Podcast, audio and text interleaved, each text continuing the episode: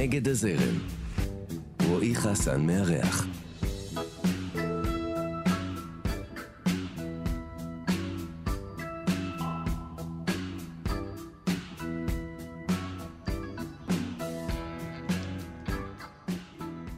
זמרת, יוצרת ומפיקה מוזיקלית. שלושה אלבומים מאחוריה ויש דיבור שהרביעי כבר בדרך. היא מספרת שעד לא מזמן היו לא מעט אנשים שלא האמינו שהיא הפיקה בעצמה את שני האלבומים הראשונים שלה, כי מה לאישה זמרת ולהפקה מוזיקלית. בהתחלה זה עוד עצבן אותה, היום זה מצחיק אותה. האמת זה באמת מצחיק, אבל אני מודה שאותי זה עדיין מעצבן. ההשפעות המוזיקליות שלה מגוונות, שעטנז של מוזיקה ערבית, מוזיקה קלאסית ופופ. אולי זה מסביר את שעטנז השפות שבהן היא שרה, ובכלל נראה לי ששעטנז היא מילה שמתארת די טוב את היצירה שלה. לכן, היא קצת עוף מוזר במיינסטרים הישראלי שאוהב לשים על כל אחד תגיות. אתם על כאן תרבות, אני רועי חסן וזה נגד הזרם, ואני יותר משמח לארח כאן היום את ריף כהן. אהלן ריף, מה נשמע? היי, מה העניינים? אני טוב, ברוך השם, איך את? גם ממש סבבה, ברוך השם. כן? מהמם. אה, נו, זה, כבר טוב לשמוע אנשים לא מתלוננים בימים האלה, זה, כבר מעיד על זה שעברנו אולי את התקופה, או מה שזה לא היה. אנחנו כאן בנגד הזרם, אז אה, נתחיל בשאלת הנושא. מבחינתך אה, ללכת נגד הזרם זה, זה משהו שהוא אה, אופי או החלטה מודעת? איך את רואה את זה זה? מולד, לדעתי. זה מולד. כן, כי אני זוכרת ששנים, גם כשניסיתי להיות בזרם, זה ממש ממש לא הלך לי. ובטבע שלי, הזרם מבחינתי זו שיטה או דרך, אה, ל- אני קוראת לזה להזריק במרכאות אה, תכנים אחרים. כן, אני האמת מזדהה עם התשובה הזאת, אבל השאלה שלי, לראות אם גם, גם, גם על זה יש לנו תשובה זהה, זה איפה את מבינה בעצם, אה, שאת אומרת נולדים עם זה? אז, אז איך מגלים בעצם דבר כזה? מתי מבינים ש, שאת הולכת נגד הזרם? האמת שמודעות עצמית התחלתי רק בגיל אה, 31, אחרי הלידה הראשונה שלי. אוקיי, זה גיל מאוחר למודעות עצמית. כן, והתחלתי אצל אה, מטפל או פסיכולוג, ואז אה, סוף סוף נפל לי האסימון מה כולם עושים, כאילו, איך אנשים יודעים להתמודד עם רגשות, כי אני ברחתי לפסנתר אה, או למוזיקה במשך שנים, וזה פתר לי את כל הבעיות. ופשוט הצלחתי ככה להעביר את רוב החיים שלי, ופתאום הבנתי שיש דברים ש... יש דרכים באמת להתמודד איתם, וחלק מזה גם לגלות מי אתה ומה אתה. ואני אפילו לא אשכח את זה, שהמטפל שלי אמר לי, אבל ריף, לא הבנת עדיין שאת מוזרה? שאת מוזרה במובן טוב, שפשוט שונה. אה, ובאמת, היה לי רגע ואת ענית לו שלא. שהשלמתי עם זה. השלמתי עם זה, לא, ידע, לא באמת ידעתי את זה. לא, לא ידעתי את זה. אה, אוקיי, אני לא יודע מה זה, מה זה מוזרה. לא יודע, בעיניי את לא, לא נראית לי מוזרה במיוחד. גם בעיני עצמי, אני לא מרגישה מוזרה. אבל, אה, אה, והדרך שלך הייתה, הייתה לך ברורה מההתחלה? זאת אומרת, את, את רצית להיות זמרת, או שבכלל חל- חלמת להיות אה, רופאה או טייסת ואיכשהו התגלגלת למוזיקה? רציתי להיות זמרת, ממש. אה, רק שהליטרלי של זה לא... איזה תקופה כזה הלך לכל מיני כיוונים של להלחין לתיאטראות וסרטים. כאילו התחלתי בעולם המוזיקה די מאחורי הקלעים כזה, ומקום די אלטרנטיבי ודווקא מאוד מיוחד ואומנותי, ובאיזשהו שלב הבנתי שאני רוצה להוציא אלבום, שאני בעצם בן אדם של פרונט, שאני פרפורמרית, שאני צריכה להיות uh, יותר פרונטלית. אז, uh, ואז חזרתי להיות זמרת. מחיאות כפיים זה דבר חשוב. כן. אני, אני מזדהה, עד עכשיו אני, אני די מזדהה עם, ה, עם העניינים. אה, כן, אבל, אבל זה משהו שמגיל קטן, זאת אומרת, את ידעת שאת רוצה להיות זמרת, וזה איפשהו, את אומרת, אה, התמסמס למאחורי הקלעים וחזרת ל, ל, לרצונות הראשונים שלך, או ש... כשאני אומרת זמרת, וככה ראיתי את זה כשהייתי צעירה, כן. זה הכל. זה גם התיאטרון, הפרפורמנס, גם השירה, גם המוזיקה, גם הריקוד. כאילו, בעצם זמרת פופ, בואו נלך עם זה עד הסוף, כן. כן? שאני לא לגמרי זמרת פופ, אבל אני כן עושה את כל האומנויות האלה. אני יכולה באמת אה, להכניס מה שבא לי לתוך היצירה. כן, על זה אני יכול להתווכח. זאת אומרת, מנקודת מבט שלי, אני לא יכול להתווכח איתך על מה את מרגישה שאת, אבל מנקודת מבט שלי זה לגמרי פופ. זאת אומרת, אה, לא יודע, אה, יש הרבה, הרבה דוגמאות שאפשר לתת ל, ליוצרות פופ שהן עושות מוזיקה אוונגרד ו... אה, וכאילו יוצאות מהקופסה של הפופ שאנחנו מכירים אולי. לדעתי את שם לגמרי, ולא יודע, כי, כי יש, יש איזו תחושה בארץ שפופ זה מילה קצת גסה. אה, לעומת מה שקורה בחוץ לארץ. אה, יכול להיות, אבל זה לא רק בארץ. אה, פופ זו מילה די גסה. אני חושבת שהראשונה ששינתה לי את ההגדרה הזו בראש, זו ביורק, שאמרה היא, פעם... היא דוגמה מצוינת. היא אמרה, אני עושה פופ, חד משמעית, כי מבחינתה פופ זה מוזיקה לכולם. וזה מילדים עד זקנים, וכל אחד מוזמן לשמוע את זה. אני לא עושה מוזיקה לנישה מסוימת, סגורה. אה, וזה דבר גדול מבחינתי, וזה בהחלט מה שאני עושה. ואת גדלת בבית מוזיקלי? זאת אומרת, זה משהו ש... ש... שהיה ב-DNA של הבית, המוזיקה? זה משהו ש... לגמרי, כן? מאוד מאוד. ההורים שלי שניהם אומנים בעצם, גם אם הם אה, עשו את הדברים בסתר במשך אה, תקופה ארוכה והחליפו מקצ... כל פעם מקצועות, כל איזה חמש שנים, אבל לא בהכרח בתחום האומנות. אימא שלי כתבה שירים, עדיין כותבת למגירה. אימא שלך משוררת. כן. נכון? אבל היא אף פעם לא הגדירה את עצמה כמשוררת, למרות שהיא כתבה מאז שאני זוכרת אותה, כן. אז רגע, את הוצאת את השירים שלה מהמגירה, או שהם יצאו כבר קודם? אני הוצאתי לה מהמגירה את השירים. כן. עכשיו זה יותר מקצוע פורמלי, כאילו יצא מהארון בתור משוררת. אה, והיא עובדת עם המון יוצרים. זה די מדהים האמת שזה, שזה בא מהילדה שלך בסופו של דבר. כאילו. נכון. ואבא שלי עכשיו, בגיל 60, התחיל, אה, לקח סטודיו ומתחיל לצייר. וזה גם היה חלום שלו מגיל צעיר, והוא בא ממשפחה כזאת של ציירים. אבל גם היה לכם במשפחה איזה סטודיו של אומנות או משהו כזה, לא? אה, הייתה גלריה, כן. גלריה. אה, שהם יותר עסקו גם מאחורי הקלעים של העניין, אבל אני בתור ילדה הכרתי המון אומנים, ציירים, זהו, זה היה משהו, חלק מהחוויית ילדות שלך. בדיוק, מאוד בוהמיאני. אחרי זה היה להם קפה מסעדה בר. איפה? בשנקין, תכלת. אוקיי. אז אני, אני בתור פ... ילדה... אני פחות מכיר, אני פחות כן, מהאזור. כן, הלכתי ברגל מבית ספר, אה, מהבית ספר להורים שלי, אה, לבית קפה של ההורים, אה, ואז ישבו שם המון משוררים, וראיתי, ראיתי, הרגשתי את הבוהמה התל אביבית מאוד חזק. וזה אולי הניצנים של כל הדבר הזה התחיל שם? זאת אומרת, באיזשהו מקום שאמרת, אני גם רוצה להיות uh, משהו באזור הזה? או ש... כן, אני חושבת שהיה לי ברור, גם הרספקט שתמיד היה להורים שלי לאומנות וליוצרים ואומנים, uh, ומשיכה גדולה לעולם הזה. Uh, בעיניי הם אומנים גדולים, הם לא רק לקוחות של אומנות, הם ממש אומנים. כל אחד מהם, אבל לא הייתה להם את הפריבילגיה אה, שלי, ב, ב, מה שאני קיבלתי מילדות, החינוך, מגיל ארבע, פסנתר, אה, בלט, הכל, כאילו, קלאסי, בית ספר לאמנויות, מוזיקולוגיה, כל ההשכלה הזאת שקיבלתי, אה, הם לא קיבלו. הם יותר התעסקו ב... ב... אימא שלי ממש אה, פעמיים היגרה בעצם מאלג'יריה לצרפת, ואז מצרפת לארץ, היא כל פעם הקימה את החיים שלה מחדש. אה, הגשימה את החלום שלה להתחתן, ילדים, החיים עוברים כזה מאוד מהר, והיא לא... היא, היא לא יכלה... לא, נת... לא היה לה את האפשרות בעצם באיזשהו אופן, אבל אפשר לשמוע מזה שהם אולי הגשימו את החלום שלהם דרכך, לא? יכול להיות, כן. נכון. כן, אני כל הזמן תוהה לגבי הדבר הזה עם הילדות שלי. אני, יש לי שתי בנות, ואני אומר, אם אני ארצה להגשים דרכן את החלום שלי, זה אומר שאני צריך לגרור אותן להיות שחקניות כדורגל. שזה לא קל בכלל. זאת אומרת, אני מנסה לגרור אותן, קודם, נתחיל ושיאהבו כדורגל, וזה בינתיים לא כל כך עובד, אבל uh, אני עדיין לא, לא מרים ידיים. זאת אומרת, אני עדיין ב...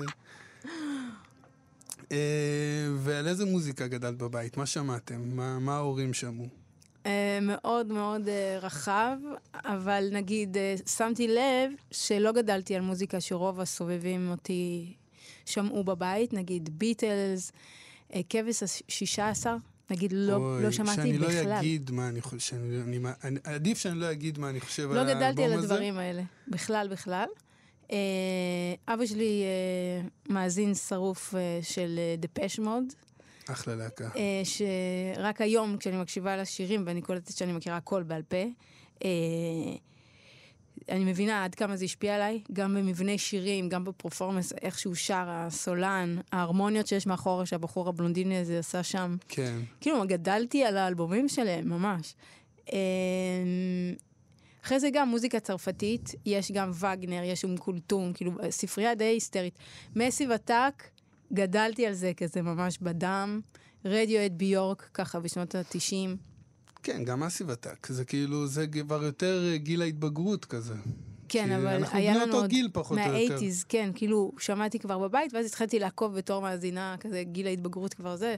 אחרי זה הכרתי את טריקי גם, ופגשתי אותו בפריז, וזה מגניב, זה קטע כזה שלנו, של הניינטיז. כשאני מדברת עם צעירים על זה, הם לא יודעים בכלל מה. הם לא מבינים, כן, כן, זה מעניין. האמת, גם אני, שהייתי אה, באיזושהי תקופה מורה לקולנוע, אה, בתיכון, אז uh, כל הזמן הייתי עמום מזה שהם לא מכירים יצירות שבשבילנו, נגיד, נגיד ספרות זולה. את יודעת, אני לא הולך עכשיו על דברים, uh, זה, דברים כאלה, וזה תמיד גרם לי להרגיש נורא נורא מבוגר uh, באיזשהו אופן, אבל uh, כן, אתה יודע, זה גם, זה גם טבעי באיזשהו אופן, נראה לי, שדור בא ודור הולך ושוכחים דברים, אבל גם נזכרים באיזשהו שלב, כאילו, חוזרים, חוזרים לדברים.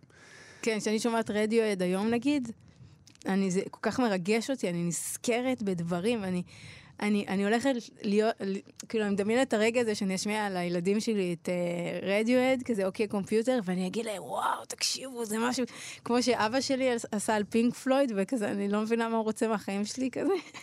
אז זהו, אני, אני נגיד בקטע הזה, אה, אני גם מאוד אהבתי את רדיואד בצעירותי, אבל היום אני לא מסוגל לשמוע את זה, זה כאילו מרגיש לי דיכאוני לגמרי. מאוד. ואני אני כאילו ב vibe אחר בחיים, אני משתדל... אני מבינה. אני משתדל פחות לצלול לדברים האלה, ופינק פלויד זה להקה שאני לא סובל מאז ומתמיד, זאת אומרת, אז... אז בסדר. כן, כן, ברור לי שהם לא הבינו את העניין. אה, לא, את יודעת, אני נגיד מנסה לטפטף להם דברים אחרים, אבל זה שהילדות שלי מאוד אוהבות היפ-הופ, זה מחמם את ליבי. מצד שני, נורא קל לילדות אה, בזמננו לאהוב היפ-הופ, זה לא נכון. כזה... אבל אני גם מנסה לטפטף להם ג'אז וכאלה, ו... אה, נראה מה, מה יקרה בסוף, את יודעת, בסוף יש מרד, בסוף הם יאהבו את פינק פלויד. זאת אומרת... כן, אתה חושב? אה, תשמעי, הבת הגדולה שלי כבר אומרת לי שהצבע האהוב עליה זה צהוב, ואם יש משהו שיש לי אלרגיה אליו זה צבע צהוב, אז כן, יכול להיות. אבל זה צבע שמח, זה טוב צהוב. נכון, אבל יש לי שריטה מהכדורגל על זה. כן, אני מבינה. אה, בסדר. אה, אז רגע, צרפתית. למה צרפתית? זה, זה מהבית, או זה החלטה שבגיל מאוחר, או משהו שתמיד הרגשת שצריך לקרות, או קרה, התגלגל ככה? מה... אני אגיד לך רגע, אני, אני, סליחה שאני זה, אבל אני אגיד לך, כש, כשאני שמעתי פעם ראשונה את השיר הראשון שלך ברדיו, ואני זוכר את זה ממש טוב, שהוא התפוצץ, אה, ממש התפוצץ, וטחנו אותו בכל תחנה אפשרית, ושמעו אותו בכל בית קפה ובכל מקום. אני אמרתי, מה, מה קרה כאן? כאילו, ממתי אה, זמרת פופ צרפתייה כל כך אה, מצליחה פה בארץ, או... זאת אומרת, זה לא משהו שקורה, זה אירוע. ולקח לי איזה חודש להבין שקוראים לה ריף כהן, והיא בכלל תל אביבית, ישראלית. אה, זאת אומרת, אני היום בדיעבד חושב על הדברים קצת אחרת, כאילו שאני כאילו כבר מכיר את הסיפור, מכיר אותך, מאבד את הדברים. היום בדיעבד אני יכול להגיד שהמוזיקה שלך נשמעת לי סופר ישראלית. זאת אומרת, אה, אפילו זה כאילו באיזשהו מקום, זה הישראליות הנכונה, סליחה על הביטוי הלא כזה כיפי, אבל את יודעת שהוא באמת שעטנז של הרבה מאוד דברים, ו, וזה הישראליות. זאת אומרת, אם את הולכת ושואלת מישהו ישראלי מה הוא אוהב, למרות שבתקשורת מנסים לייצר איזו דיכוטמיה של מי שאוהב את זה, הוא בטח לא אוהב את זה, ומי שאוהב את זה. זאת אומרת, אצל הישראלים, אצל רובם לפחות, זה לא עובד ככה. ישראלים אוהבים אה, לערבב. ו... זהו, אז נחזור לצרפתית, כאילו... זה, תראה, זה מסע מאוד מאוד ארוך, לומר את האמת. זה מצחיק שיש את הפרספקטיבה של איך שהקהל רואה אותי, אבל בעצם אני עברתי תהליך ממש ארוך, כן? כי... אה, אז נעשה מההתחלה. גדלתי על מוזיקה מערבית מאוד. אה, לא כל כך ישראלית. ואז כשהתחלתי לכתוב ולהלחין שירים, באופן טבעי השפה העברית לא התלבשה לי נכון עם הלחן ש... שהלחנתי, כמו מה ששמעתי. כשאתה מנגן אה, אפילו מלודיות צרפתיות, זה לא מתלבש, זה נשמע כמו, כמו אה, שאתה שומע איזה זמרת סינית, אני קוראת לזה סלין דיון. אה, בסינית, אתה מכיר את זה? שאתה שומע ש... מה הסינים עושים, איזה מוזיקה, ואז זה מין סלין דיון בסינית כזה, ואתה לא מבין מה, מה הקטע בדיוק, זה מין השפעה מערבית מאוד חזקה, כמו שכולם עושים ליאונרד כהן, אבל בעברית. כן. עכשיו, כשלמדתי מוזיקולוגיה, שם... כבר פחות, שם לשמחתי. התפוצץ לי הראש. שם, כש, כשגיליתי שהאקורד זה שילוש... זה השילוש הקדוש, זה אבא של גלילאו גלילי אה, פיתח את זה, ש... פה התחיל לי המרד. פה אמרתי, זהו, אני לא מנגנת אקורד יותר, סיימנו עם הדבר הזה, זה לא שייך אליי. אני עכשיו רוצה לחפש מה הלחן שמתאים לאותיות המקובעות האלה, הריבועים האלה, כאילו, השפה העברית ההזויה הזאת. ואני הולכת לחפור באדמה ולחפש איך אני מלחינה את הטקסט בעברית. והיה לי מופע שלם בעברית עם אסף קורמן, שהוא במאי, כן. מופע מכיר. מדהים, אבל זה היה, מה זה אנדרגראונד? באו גג עד 300 איש בהופעות, וזה היה נישה. זה היה פשוט נישה די אלטרנטיבית. וזו מוזיקה בעיניי מדהימה. כאילו, עד היום זה, בעיניי זה משהו מטורף. אולי מתישהו אני אשכנע אותו לעשות איזשהו קאמבק ולשיר את השירים האלה בעברית. העניין הוא שפתאום, אה, אה, אה, כאילו, היה, עשיתי במקביל עוד איזשהו פרויקט עם ביטים ערביים וזה, אמרתי, יאללה, נעשה הרמות, נעשה משהו מרים. כי יש לי כל מיני צדדים, כן? זה גם עוד, עוד נושא כזה לדבר עליו, שיש את השיגעון והרמות וכיפים וצחוקים, ויש את הבלדות, כאילו גישדורים שלי, כאילו ממש עצובים ומורכבים וכבדים. ושם אני זוכרת שהתלבטתי איזה טקסטים לקחת, והעברית לא ישב לי טוב עם החפלה הערבית, ואנגלית גם לא ישב לי טוב עם החפלה הערבית. ופתאום חשבתי על הצרפתית, ואני עם הערימת טקסטים במגירה של אמא שלי בצרפתית, אני כזה, יואו, פתאום נפל לי האסימון שצרפתית זה הכי ערבי שיש. אבל, אבל את הבנת שאת עושה פה צעד שהוא נגד לגמרי? זאת אומרת, בדיעבד אפשר לומר שזה כאילו הצליח בצורה מטורפת, אבל אה, לא יודע אם זה משהו שחשבת עליו. לא חשב- חשבתי עליו. גם זה אומרת- ששמתי את התמונה של סבתא שלי, שזו סתם תמונה מגניבה טילים, כאילו, שסבתא שלי, התמונת פספורט כן, שלה, כן.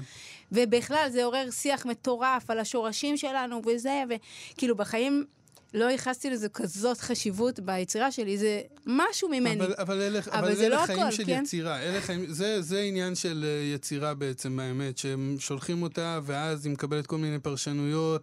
את יודעת, כולנו מכירים את זה, אני כותב שיר, ואנשים כותבים על מה אני התכוונתי, ואין לי מושג על מה הם מדברים, והם מדברים כל כך בביטחון על מה התכוונתי, שאני כמעט משתכנע שאני התכוונתי לזה. זאת אומרת... זה, זה, לדעתי, זה, זה הקסם של, זה של חזק, יצירה אני לא, בסופו לא, של לא דבר. ידעתי עד כמה רחוק זה ייגע באנשים, הנקודה הזאת. אה, כי מסתבר שזה גם נגע בטורקיה, בנקודה מאוד רגישה שיש להם את השורשים שהם קצת אה, מתביישים ממנו, ופתאום מבחינתם לראות מישהי ש... שמצטטת כל מיני דברים מה... מהמסורת ודברים שבדרך כלל הם נוהגים אה, להסתיר. אבל אין לך שורשים בטורקיה, זה כאילו, לא מה, זה, זה. צרפת אלג'יראי כזה, לא? זה צפון אפריקה, השורשים שלי, אבל מבחינתם זה כאילו הסבתא, האנאלפביתיות, המזרחיות בעצם, שהם מסתירים. רואים את זה עכשיו בסדרה בנטפליקס, אה, שכחתי איך קוראים לזה, כאוס נראה לי. אה, יש סדרה שממש מבהירה את נקודת תפר בין האסלאם הקיצוני שם והמודרנים ה- כזה עושות יוגה, אה, אוכלות בלי גלוטן, כאילו אקסטרים מערבי כזה. כן. אה, אז הנשים האלה והנשים האלה. וה... וזה סדרה מדהימה, אני לא אגלה את הפאנץ', אבל זה באמת חזק, כאילו, האמירה הכללית. אה, בכל אופן, ה... ה... הצרפתית יצאה יציאה מאוד רצינית. גם זה היה כמו נס, כי כל טקסט שהוצאתי מאימא שלי ישב בול על לחן. שזו השיטה הכי קשה שלי לעבוד. בדרך כלל אני מתחילה מטקסט כבר כתוב, כי לעשות טקסט שהוא טוב בפני עצמו זה, זה, זה דבר בפני עצמו, כאילו שיר שעובד. בדרך כלל, אם אני מנסה להכניס מילים ללחן קיים, זה מאולץ. זה חטא, בדיוק. זה, זה נורא קשה, אני יודע את זה מהצד של הפזמונאים, מה שנקרא, שכאילו יש מוזיקאים שמבקשים ממני לכתוב להם שירים ושולחים לי לחנים, אז זה באמת מרגיש מאוד מאוד קשה, ובמקרים אה, רבים מאולץ, וזה לא, פשוט. נכון. אז פה זה מבחינתי נס, כי זה היה שיר אחרי שיר אחרי שיר, אחרי איזה חמישה שירים התלבשו בול עם הלחן. אמרתי, אימא'לה, מה זה הדבר הזה? ו... ואז משם המשכנו על עוד אה, גם טקסטים שלי, לקחתי גם טקסט אחד של ברכה סרי בעברית, הנה האור. אה, היה, היו כמה שירים באלבום הראשון בעברית. אני זוכר כן, את לא אה, מעט. רוץ הפרחים, נכון? כן, נכון? הנה האור של ברכה סרי. אה, יש עוד, אני פשוט לא זוכרת. נגד הזרם. כן, ראיתי איזשהו סרט בנטפליקס שנקרא, אה, מצחיק, אני מדברת מלא על נטפליקס. זה בסדר, כולם מדברים עליה על נטפליקס. זה כאילו, פעם אומרים, קראתי את זה." ספר שאומר ככה, היום כולם, ראיתי בנטפליקס, זה לא, אל תרגישי לא בנוח. לא, עד לא מזמן הרדתי על כל אלה שראו נטפליקס עד ש... עד שהתחברת לנטפליקס, כן. כי העולם ממש השתנה מזה. Uh, בכל אופן, uh, יש סרט שנקרא אני כבר לא שם, זה על ה cholos וכל החבורות במקסיקו. עכשיו, יש שם עולם שלם של מאפיות, כאילו כל אחד, uh, כל מאפיה יש לה את הלוק שלה, וקצת את המוזיקה שלה, ולפעמים זה כל מיני חבורות של אפילו ילדים, כן? ואז ראיתי משהו, ואותי זה נורא מצחיק ומעניין לראות את זה, כי זה ה styling הכי מוזר שראיתי בחיים שלי. בואי נדבר על styling. אני אני כבר אוהב את זה. וזה עובד. כאילו, אתה מכיר את זה שיש דברים שמה נכון לעשות ומה לא נכון לעשות? והכי מגניב אותי שאני רואה אנשים שעושים מה לא נכון לעשות, וזה יושב עליהם בול, הם מחזיקים את זה. אז אתה רואה איזה אחד מקסיקני עם קוצים, בקצה הקוצים חמצון. יש לו כמו שתי פפאוס בצדדים, וגלח מאחורה. מאחורה. מזכיר אותי בכיתה ז', אני הייתי ככה בכיתה ז'. באמת? כן. עכשיו, וואו, ואה, ו oversize. קוצים עם ג'ל, עם אה, פה, אה, בקצוות בלונד, פאות של אלוויס. די, נו. נשבע לך? נחפש תמונה, אני אשלח לך. וגלח מאחורה? כשהייתי משחק כדורגל בכיתה ז', הייתי ענק, אני לא גדלתי מאז, ואמיתי, היו לי כאלה קוצים עם פאות כאלה של אלוויס. היו צועקים לי מהקהל, ההורים של הקבוצה הנגדית, אלוויס, ומקללים, כאילו. נו, זה סטייל. הייתי ענק, כאילו, בגלל זה. הם הרגישו בנוח לקלל אותי, למרות שהייתי ילד. אבל זה לא כזה קללה, כן? לא, אני לא אמרתי את הקללה. אבל אה, הם אוקיי. היו- היו מקללים. אה, יש אמוציות, כדורגל, תשמעי. אה. חלק מה... זה, זה בסדר. גם אבא שלי היה משחק כדורגל. אבל רגע, עזבי כדורגל. עכשיו, styling. את יודעת, אוקיי. אני, חולה על סטייל ועל אופנה וזה, וזה משהו שתמיד מעניין אותי לדבר עליו, ולא תמיד יש פרטנרים לדבר על, אה, על סטייל ועל אופנה. אני יכול להגיד שאני חי בדיסונ... בדיסוננס מטורף בעניין הזה של איך אני מדמיין את עצמי, ואיך שאני בסוף רואה את עצמי. עכשיו, אני, יש לי את ה... יש לי כזה, כל הזמן, אני, אני נורא אוהב להתלבש יפה, אז איפה אתה לא... קונה בגדים? בארץ. אה, אני, לא כזה... וינטג' כזה, לא, לא וינטג', דווקא בדיוק הפוך. זאת אומרת, אני אה, אוהב מותגים, אני אוהב להתלבש. איזה מותגים אבל, מה? אה, לא יודע. לא יודע, זה- אני, נגיד, אני נגיד, לא, לא, לא- מה נגיד, זה מותר כאילו, זה תוכן שיווקי, אבל אני תמיד תמיד אמרתי שהחלום הכי גדול שלי היה להיות אה, דוגמן של לקוסט. כן? כאילו, אני חולה על לקוסט. עכשיו, למה- ההיפ-הופ כזה. למה הלכתי על אה, לקוסט? כי יש להם גם, אה, אה, את יודעת, לפעמים פרסומות שהם בוחרים דוגמנים מכוערים. יש כאלה, יש כזה ז'אנר, את מכירה את זה? כן. אז אמרתי, אני יכול ליפול שם טוב לקט... לקטגוריה. אבל... לא, עכשיו ברצינות, אז תמיד אני כאילו הולך ל- לאירועים או לדברים כאלה, כי אני כבר די זקן, אני לא יוצא למסיבות וכאלה, אין לי איפה להתלבש. אז אני מתלבש ואני כאילו מדמיין את עצמי, נראה כמו איזה שחקן כדורגל איטלקי, לבוש כזה יפה וזה, ואז אני מסיים את כל הארגון עם נעלי שפיץ ומכנס סקיני וחולצה מכופתרת, שזה הכי כופתרת פסה, עד כן? הסוף. זה לא משנה, זה לא משנה. זה... אבל אה, זה כאילו, אבל זה גם מאוד נוגד את העולם שאני בא ממנו. זאת אומרת, היום, בוא נגיד ככה, לא נוהגים להתלבש ככה ב... בעולם האומנותי, נקרא לזה ככה. אז, אז לא משנה. נושא מעניין, זה לא כן. משנה. אבל אני עומד ככה מול. המראה, ואני מדמיין את עצמי שחקן כדורגל איטלקי, ואז אני רואה את עצמי עם הזקן ככה, והשיער וזה, ואז אני נראה כמו איזה הומלס שגנב בגדים באיזה חנות בדרום תל אביב, את יודעת, וזה מה שהיה לו ללבוש באותו רגע. אבל אצלך באמת העניין הזה של האסתטיקה, של ה styling, זה משהו שהוא, אה, אי אפשר לפספס אותו. זאת אומרת, הוא חלק לגמרי מה, מהמכלול של היצירה שלך. זאת אומרת, זה, אה, ובקטע הזה אני חייב לציין שמקודם אמרתי שהיצירה שלך היא בעיניי מאוד ישראלית, כי היא איזושהי, איזשהו שעטנז של הרבה מאוד דברים שבשבילי הם מאוד ישראלים, אבל בעניין של האסתטיקה זה מאוד לא ישראלי. כי ישראלים יש להם נטייה לחפף בעניין הזה של האסתטיקה, יש להם נטייה, עוד פעם, להיראות מאוד, מאוד אה, בדרך מאוד מסוימת. בגלל זה אולי אני גם, זה גם עניין של נגד הזרם, אפרופו ההתנגדות שלי ולרצות להתלבש ככה מגונדר ומחויית וכאלה. אה, אבל זה, וואי, זה נושא, אימא'לה. נושא טעון. כי, כי בארץ יש את הקטע, כאילו להיראות אה, בסדר, כאילו אני בסדר, אני מושקע. אז יש אה, למשל אה, אה, חולצות מכופתרות, אה, ושיניים מולבנות, ולהיראות כמו סוג של ראש עיר כזה. חלום כאילו, בואו תצביעו לי כזה. אה, חלום שלי לראות כמו ראש עיר. לא עובד לי. ויש גם את ה anti fashion, שזה אני מאוד אוהבת, הכפכפים התנ"כיות. יש לוק ישראלי.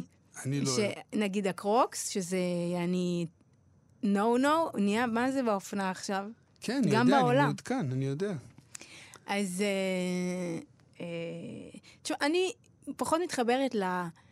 תראו, אני מטופחת, אני נראית טוב, טה-טה-טה. יותר אני אוהבת את העניין הקונספטואלי בלבוש, אוקיי? אני אוהבת, אה, נגיד, סתם דוגמה, הנה, עכשיו אני שמה על עצמי, וזה לא אסתטי, זה לא עושה לי בהכרח גוף יפה, כן? אבל אני שמה את המגבת של החמם הטורקי, כי אני נוסעת לשם בקרוב, אני, אני, אני כבר מחממת את עצמי על זה, אבל נגיד, אה, מצאתי בטורקיה את המגבת הזאת, וזו המגבת הכי קלאסית. כל מי שרואה את זה בטורקיה, כאילו זה... זה מין אייקון מאוד חזק של מי שיוצא עכשיו מחמם טורקי. אז כשאני מגיעה לשדה תעופה באיסטנבול, יש שם חמם בתוך השדה תעופה, פתאום אתה רואה מלא אנשים עם המגבות האלה, ומגבות על הראש, ואני אומרת, מה זה? מה זה הלוק הזה? מאיפה הם באים? אני מבינה שזה מהחמם, יש שם חמם. ואז, לא יודעת, יש לי קטע כזה של uh, לשים מגבת. גם שמעתי שעל הג'ינס, כן? שמעתי שגם יש סבתות, שזה גדול, שהיו מחממות לעצמן את הכליות, כי אומרים שאם אתה מחמם את החלק התחתון של הבטן, של הגב התחתון, אז זה מחמם את כל המערכת בגוף. שמעת על זה? לא. אז יש סבתות שהיו יושבות כל היום עם מגבת מסביב למותניים כזה. יש לי נטייה להאמין לסבתות. כן, לגמרי. כי זה טרדישן, הן בעצמן לא יודעות מה הן עושות, אבל יש שם חוכמה מאחורי לא, זה. לא, אני חושב שהן יודעות. כן? כן, גם להן היו סבתות.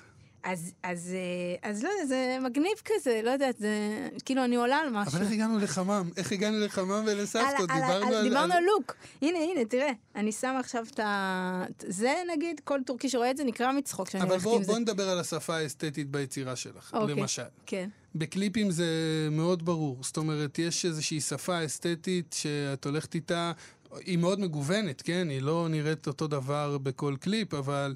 אה, זה כן איזושהי חותמת ויזואלית שלך, אפשר לומר, כאילו, אה, לא יודע אם חותמת, אבל יש איזשהו סטנדרט אה, מסוים. מה, מה, מה ההשפעות? מאיפה זה השפעות. בא? השפעות. קודם כל זה עניין של, יש אופנה שזה זמני. על מה אני בדודה עכשיו, כאילו, מה יש לי בראש, מה, מה עכשיו אני רוצה להגיד לעולם. הרבה פעמים אני רואה את זה, אוקיי? כאילו... אה, אני פשוט רואה את זה בראש. ויש לי את ה image, זה לא מוסבר. גם כל הקליפים, אגב, זה דברים שבאים לי לראש. אם אני לא רואה את זה בדמיון, אני לא עושה קליפ. אני לא סומכת על העשייה לשם עשייה. תמיד יש לי את זה בראש, ורוב העבודה שלי היא בעצם להגיע למה שיש לי בראש. אז יש שירים... וזה קורה? זה קורה. עכשיו, לפעמים זה לא בול מה שהיה לי בראש, אבל זה מספיק טוב. זה כזה, אוקיי, זה, יש לזה קטע. יש בדג'ט למה שקורה לך בראש? או שאת לא חולמת בהרבה אני, כסף? אני חולמת uh, מאוד, uh, כאילו, בזול? אפשרי. אפשרי. כן, כי כמו שאמרתי, זה יותר רעיונות קונספטואליים, פחות, uh, לא יודעת, uh, הליקופטרי וענייני ומסכים ותפאורות. כאילו, לפעמים כן זה דברים שלא יכולתי להרשות לעצמי. אה, אבל, אה, אבל אני זורמת, זורמת עם כל מיני, איכשהו זה מסתדר לי, לא יודעת איך, אה, איך להסביר, כאילו. אז, אז מסטייל ואסתטיקה, אז אנחנו נעבור עכשיו ל... באופן טבעי, יש לומר, לאלוהים. אה, יש, יש לך דיבור, אה, יש לך דיבור מעניין עם אלוהים, נכון? אני, ממה ברור. שקראתי פה ושם, ו... ברור, תשמע, בוא, אני כל פעם עוד מגלה ומגלה דברים. נגיד עכשיו, סתם דוגמה, אנחנו עושים סדר פסח, אני מסתכלת על הסובבים אותי, אני לא יודעת, יכול להיות שאני לא... זה, אבל פה בתל אביב, אין את הדיבור הזה של הלחץ לפני כל החמץ וזה. אני עוד שנייה מחלקת בורקסים לחברים שלי, ו... כי, כי אני לא יודעת מה לעשות איתם, כן? כאילו, מהמקפיא, ואני... ילדים שלי אוכלים פיתות כבר לא יודעת כמה... ביומיים האחרונים אני אוכלת את כל החמץ והכל. אבל זה... מחסלת, כן. חיסול חמץ. עכשיו, זה, זה ממש תרבות, כן? ופה אני קולטת שיש המון חבר'ה בתל אביב שממש לא איתי בעניין הזה. ו, וכן, הספרדים בעניין הזה, זה קטע. כאילו, סליחה שאני מעלה את הדבר הזה, אבל... למה סליחה? לא, לא, כי זה, פתאום אני קולטת את זה, אנחנו כאילו לא, זה לא אומרים את זה ברור, אבל זה סוג של ככה, לפחות בתל אביב. הטרדישן הזה, הלייפסטייל הזה, התרבות הזאת אה, של אה, לחיות את ההלכות פה ושם, כן? לעשות את זה. גדלת בבית כזה דתי מסורתי? אה. כן, ספרדי, לא... כן. כן שמרנו בשר וחלב. כן. כן, אה, אה, כל החגים, סבא וסבתא שלי דתיים, היינו עושים אצלם אה, ממש ט"ו בשבט וכל החגים ה... שנכחדים.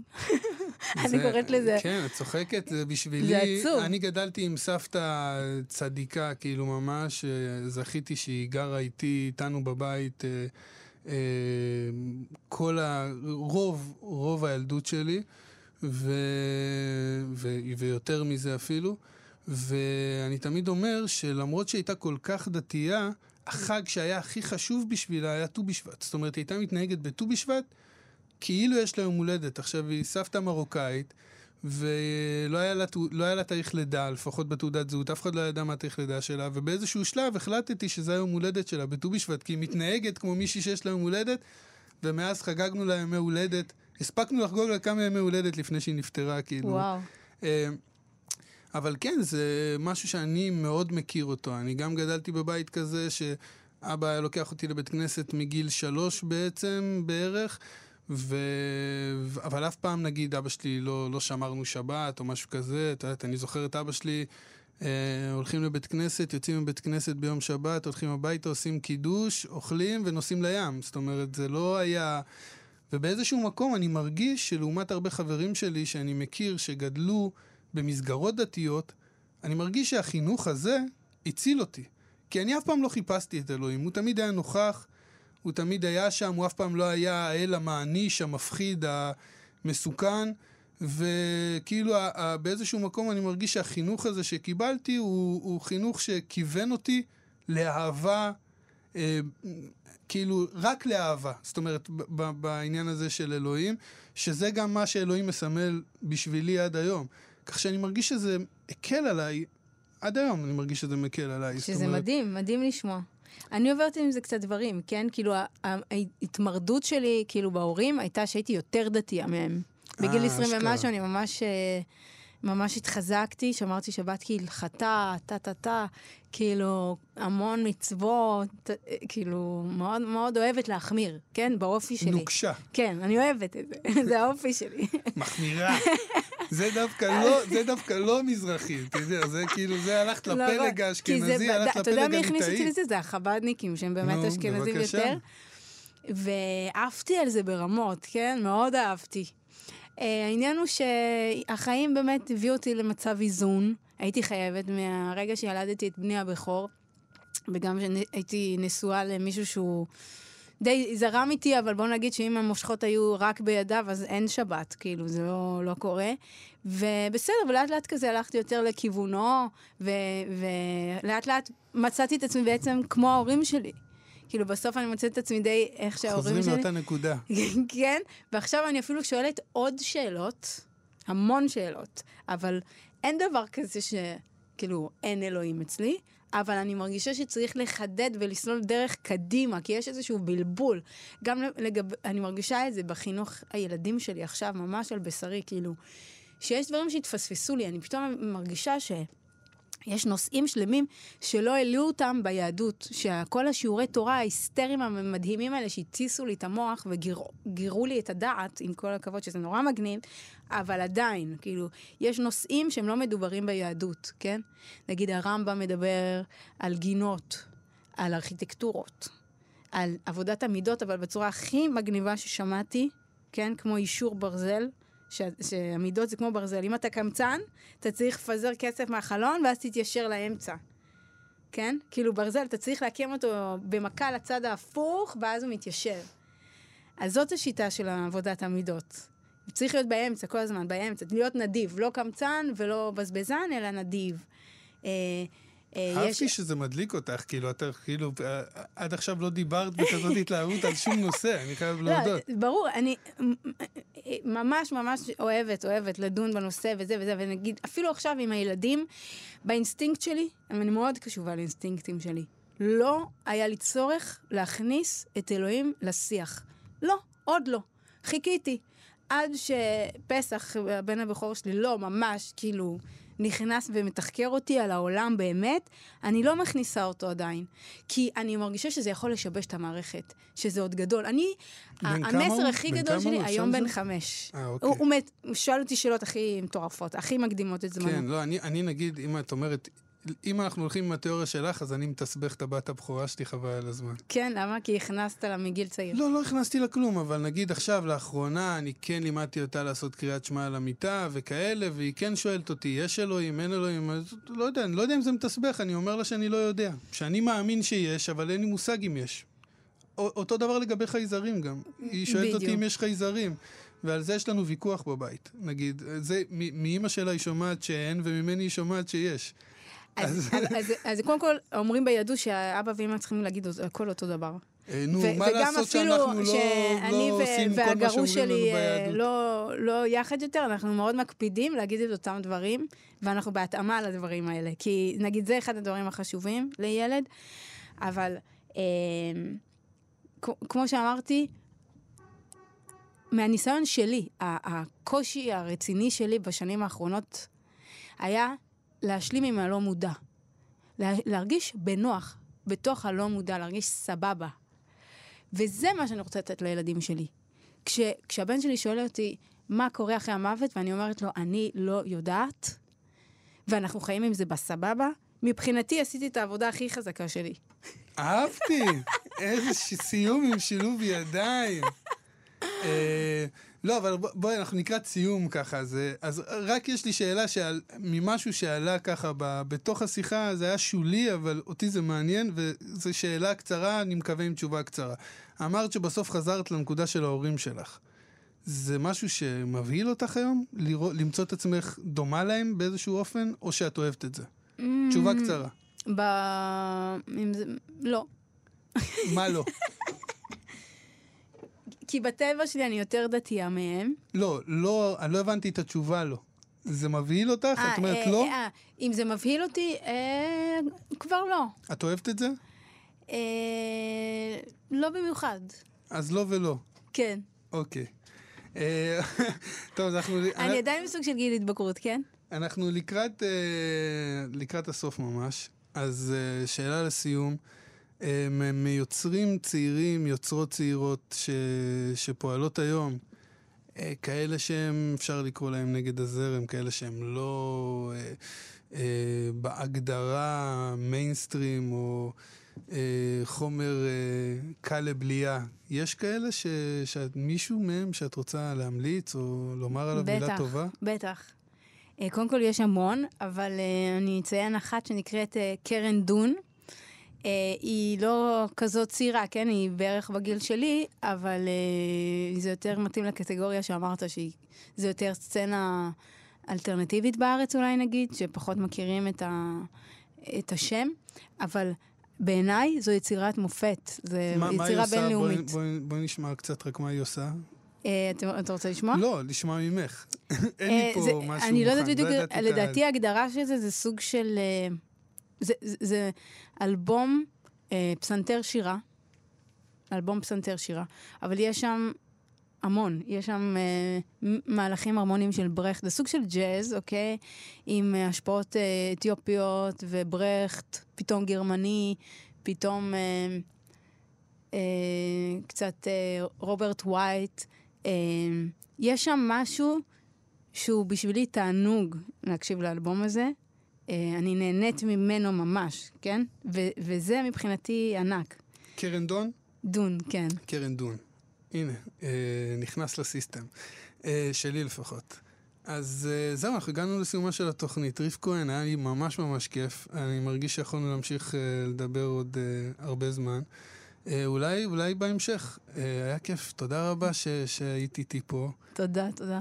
ובהצלחה בהכל, וברכה, ושיהיה רק טוב. אמן, אמן. אתם הייתם תודה. על נגד הזרם, כאן תרבות, אני רועי חסן, אני איתכם כאן גם בשבוע הבא, בעזרת השם. להתראות.